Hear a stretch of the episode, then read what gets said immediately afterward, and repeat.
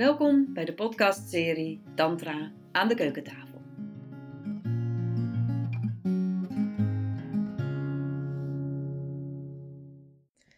In deze podcast wil ik je meenemen in het boeiende thema overgave. En daar is, uh, nou ja, vanuit Tantra van alles wel over te zeggen.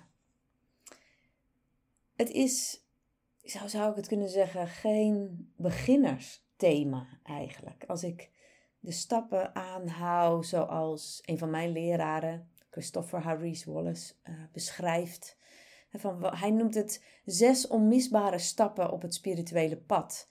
Dan komt overgave pas op nummer zes.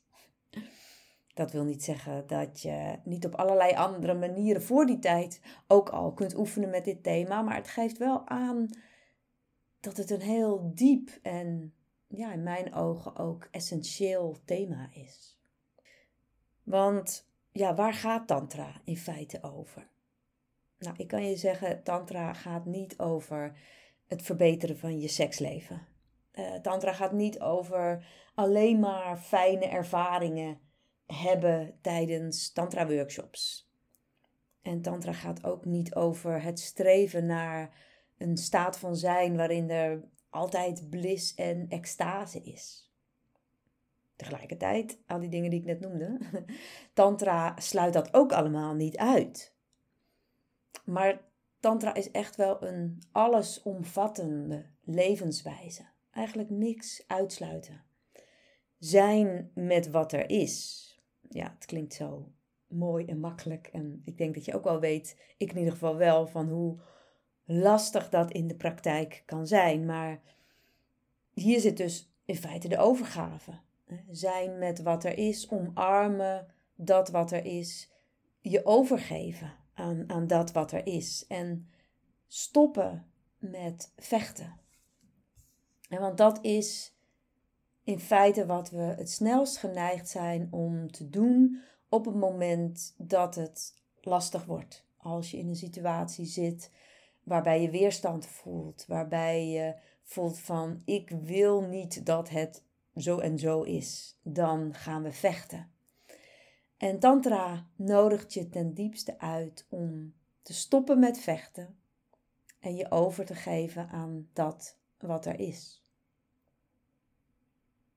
Nou, het kan dat, je, dat er nu alarmbellen bij je gaan rinkelen. Dat je denkt, ja, maar wacht even, als ik in een, um, in een hele nou, in een relatie terechtkom die gewoon slecht voor me is, waar ik mishandeld word. Um, hallo, moet ik dan stoppen met vechten? Nou, daar, daar kom ik straks nog op. Laat ik eerst nog die zes stappen van Harish noemen. Op het spirituele pad is het allereerst belangrijk dat er genoeg ontspanning, rust, lichtheid en eenvoud in je leven is. Dus als je merkt dat er heel veel stress is, heel veel spanning, onrust, dat je leven ontzettend vol is, dan is dat eigenlijk het eerste waar je naar mag kijken. En keuzes wellicht ook in mag gaan maken. Simpelheid.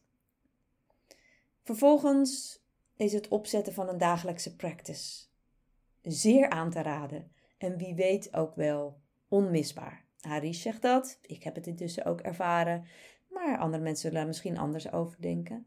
Maar een dagelijkse meditatiepractice. En in de tantrische leefwijze is het niet zo dat meditatie alleen maar stil zitten is of uh, te proberen om geen gedachten meer te hebben. Het actieve onderdeel, actieve meditaties, waarbij je met energie werkt bijvoorbeeld, die zijn eigenlijk onderdeel van deze stap 2. De meeste mensen hebben toch iets van activiteit nodig, eigenlijk het in beweging zetten van energie, om weer tot een volgende stap te kunnen komen. Dus de derde stap is de stille meditatie. Noemen we ook wel Tattva Bhavana ook dus als onderdeel van je dagelijkse practice. En dat is al heel erg dat zijn met wat er is. Hè? Daar waar je in stap 2, de actieve meditatie, in zekere zin toch nog wel iets probeert te bereiken. Bijvoorbeeld dat je energielichaam schoner wordt en waardoor de energie makkelijker kan gaan stromen. Is het in de derde fase vooral zijn met wat er is. Dus ook in je meditatie, als er gedachten voorbij komen, je observeert ze. Als er geluiden zijn, eh, als je je ogen open hebt, de dingen die je ziet, zijn met wat er is. De vierde stap is ehm, het geloof in al je gedachten en je verhalen en je overtuigingen loslaten.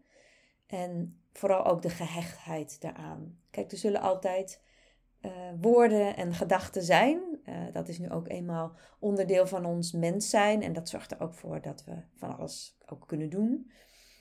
Maar heel erg hechten aan je verhalen. Aan hoe volgens jou de wereld in elkaar zit. Of hoe jij in elkaar zit. Of hoe je partner in elkaar zit. Of je vader of je moeder.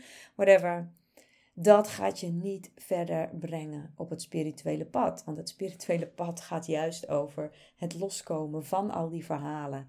En daarmee ook uh, de gehechtheid aan je zelfbeelden. De ideeën over jezelf. De vijfde stap is de inquiry of het zelfonderzoek naar wat je dan werkelijk bent. Je essentie, uh, je ware zelf, dat wat voorbij de persoonlijkheid gaat, voorbij de gedachten en de emoties. En dan komt stap 6, de overgave. Waarbij het de vraag is in hoeverre jij dat kunt doen. Maar als je die andere stappen doorlopen hebt, dan ben je eigenlijk ook voorbij de jij. Dan ben je waarschijnlijk, als het goed is, de grootste deel van de tijd kun je rusten in je ware zelf. En dan zou je kunnen zeggen, dan komt de overgave als vanzelf. Doe ik even een stapje terug naar wat ik eerder zei. De overgave, zijn met wat er is. Um, ja, dat wat er is, heel vaak in het begin, ook als je gaat mediteren, dan zijn er vooral heel veel gedachten.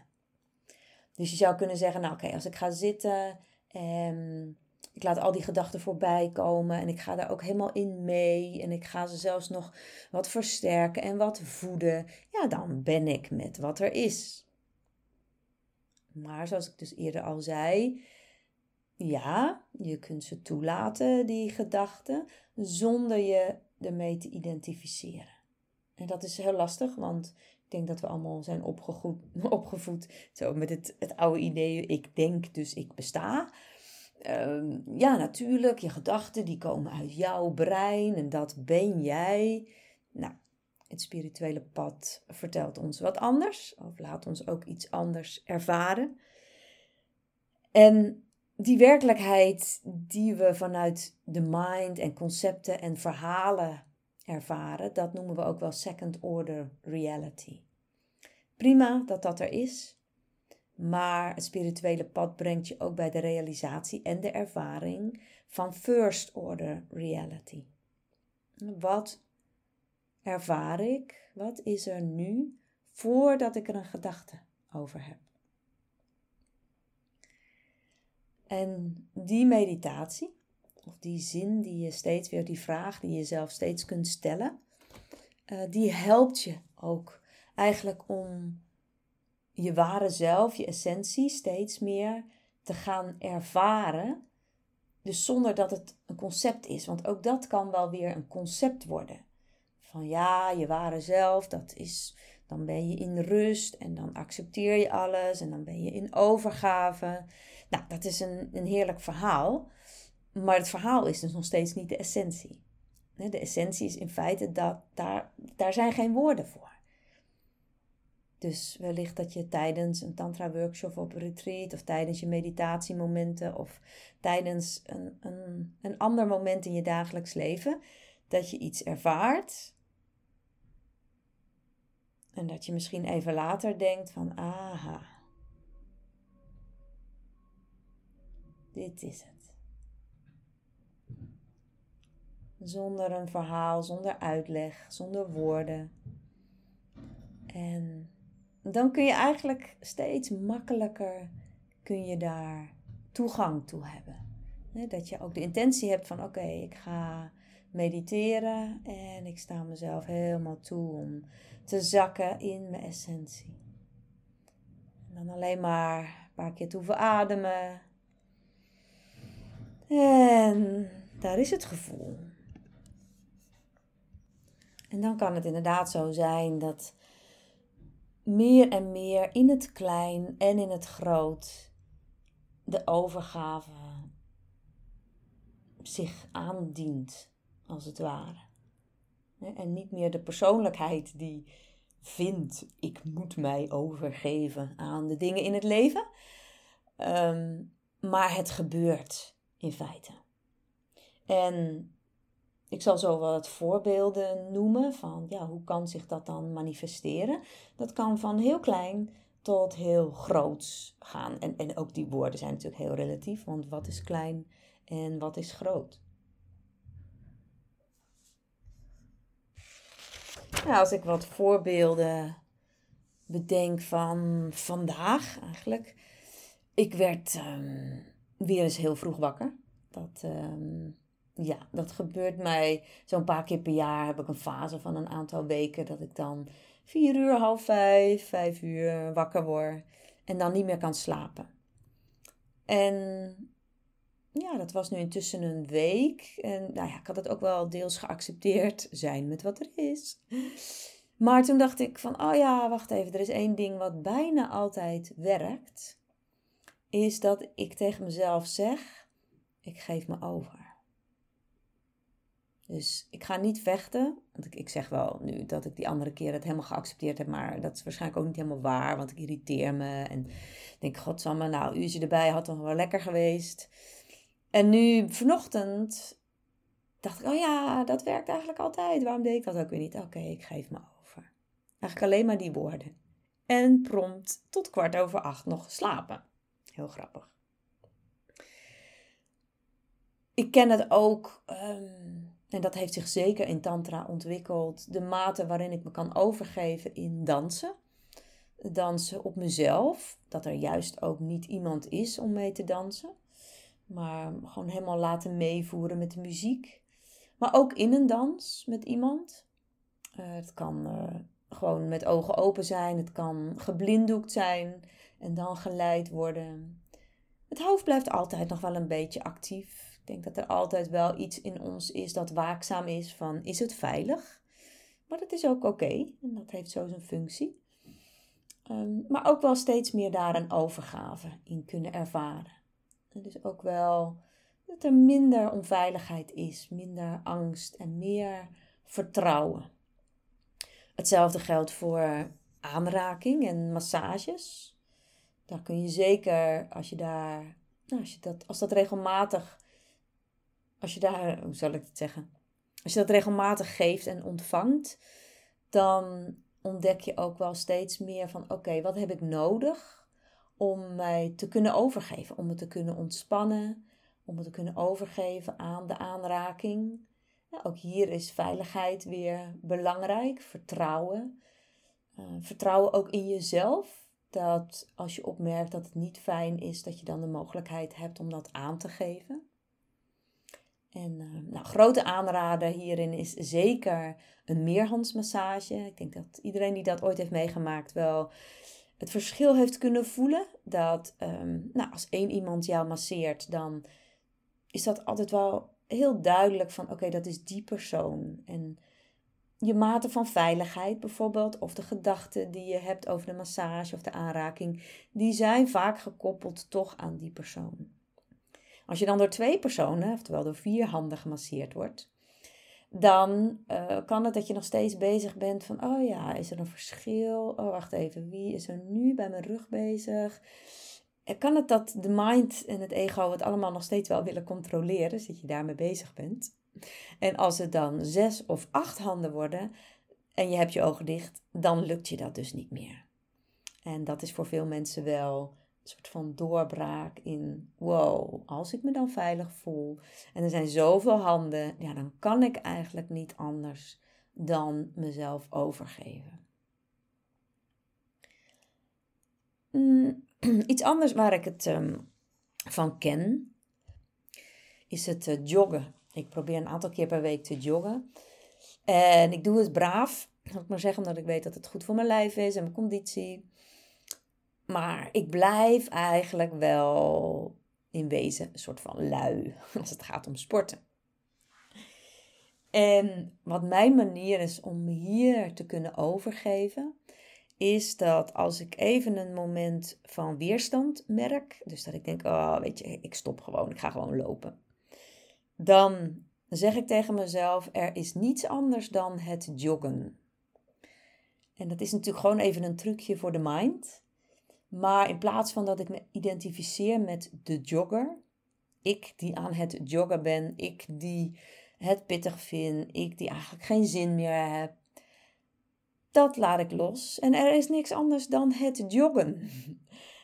En verrek, 9 van de 10 keer werkt het. Of eigenlijk werkt het op dat moment altijd. Kan dat ik nog steeds dan later denk, nou, nu is het toch wel goed. Maar dat gebeurt eigenlijk niet zo vaak. Dus dat is ook weer een oefening van mezelf in het loskomen van die identificatie van iemand die het zwaar heeft. Nou, relatief zwaar natuurlijk. En het werkt. Um, emoties. Overgave aan emoties. Daar vind ik het ook prachtig om steeds makkelijker te ontdekken van, oh ja, ik merk een emotie op. Ik maak me ergens zorgen over, dus dat is een vorm van angst. Ik ben ergens verdrietig over. Um, boos. Maar let op, ook hier mag ik weer op mijn woorden letten. Want ook hier kan ik zeggen, ik ben verdrietig. Maar ik kan ook zeggen, er is verdriet. Of ik merk verdriet op. En ik merk wel dat hoe langer ik bezig ben met tantra en op het spirituele pad, dat ik bij voorkeur het woord ik minder en minder gebruik. Dus delen vanuit de ik-vorm van, oh, ik merk dat ik nu verdrietig ben en dit of dat, is anders dan er is verdriet. Er zit gelijk een stuk niet afstand. Het is, tantra gaat niet over uh, de dingen op een armlengte afstand houden,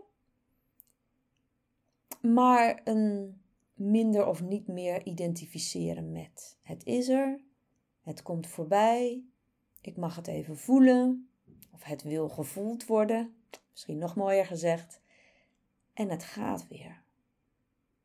En die golf is in feite ook een vorm van overgave. Oké, ik laat het toe, ik laat het toe, ik ga niet vechten. Dat hoeft helemaal niet groots en dramatisch te zijn. Misschien is het met tranen, misschien is het met geluid, maar misschien ook niet. Het is alleen maar een innerlijke beleving. Ik sta toe, ik sta toe. En ik laat het verhaal dus los. En daar gaat het. Ja. Nou, ik zou kunnen zeggen dat dit kleinere voorbeelden zijn uit het dagelijks leven. Maar laten we de woorden klein en groot maar loslaten. Um, maar als we één stapje ja, breder kijken, laat ik het dan zo zeggen. En dan gaat overgave over ja, waar wil het bijvoorbeeld heen bewegen in je werk, in een relatie, in het wel of niet krijgen van kinderen, of de opvoeding van kinderen, je woonplek. En ja, misschien hoorde je me al zeggen van waar beweegt het heen.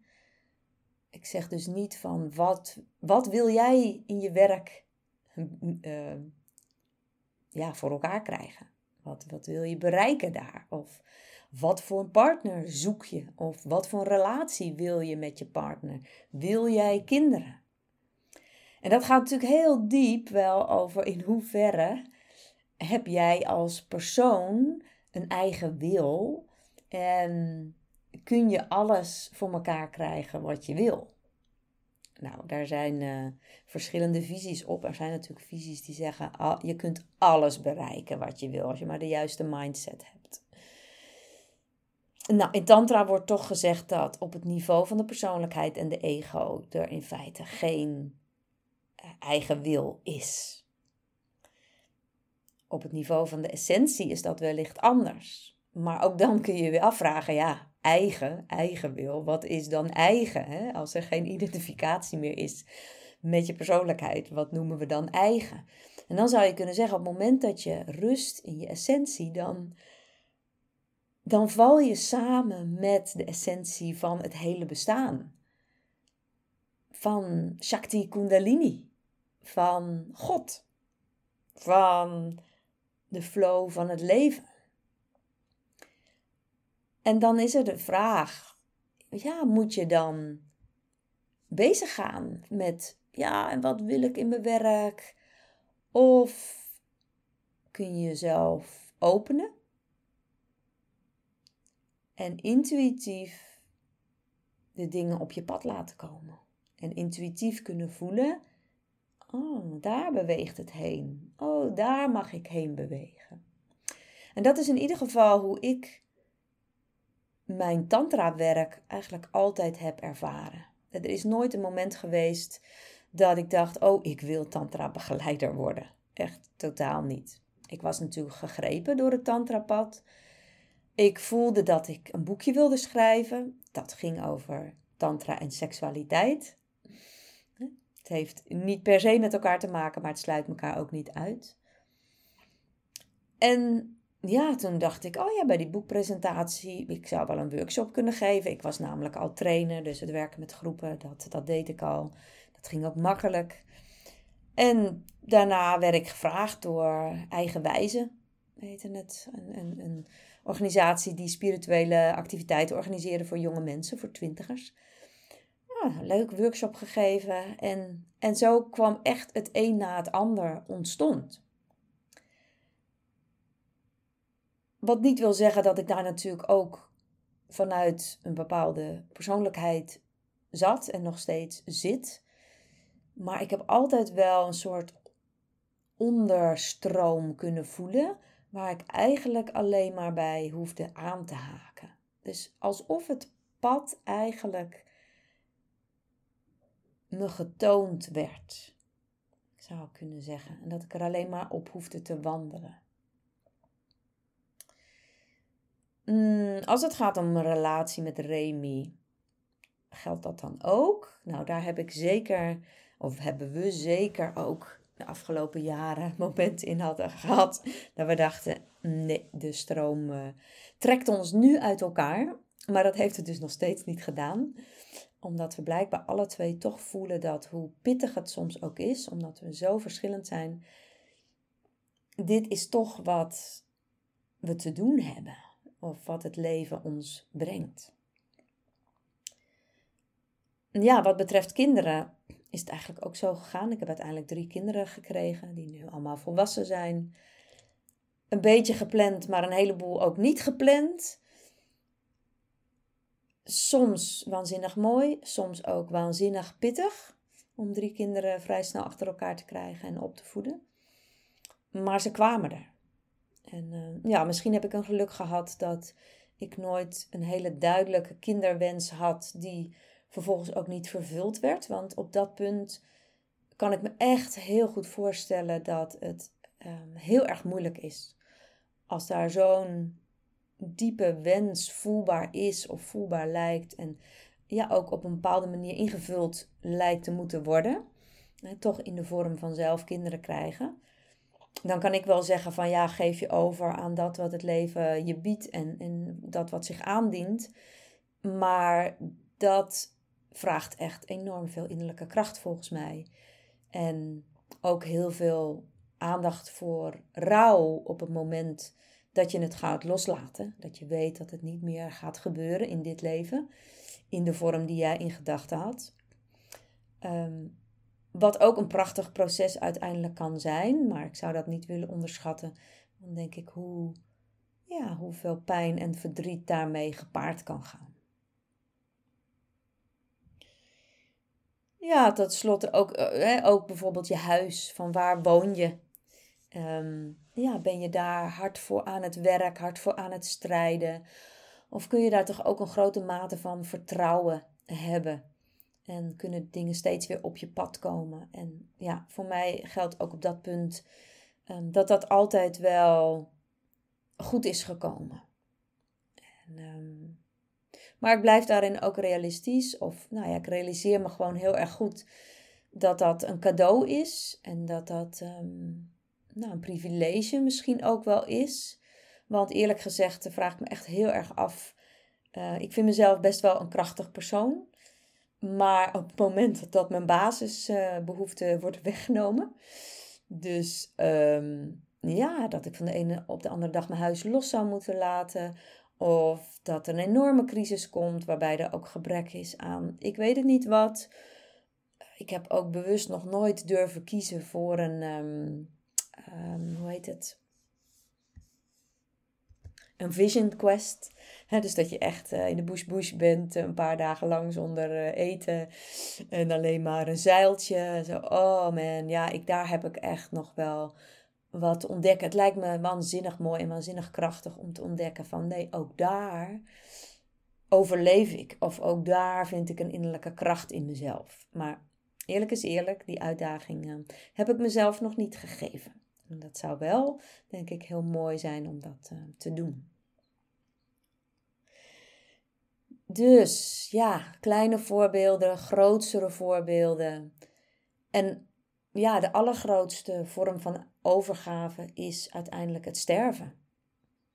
Je overgeven aan dat waarvan we gewoon niet weten wat er daarna is.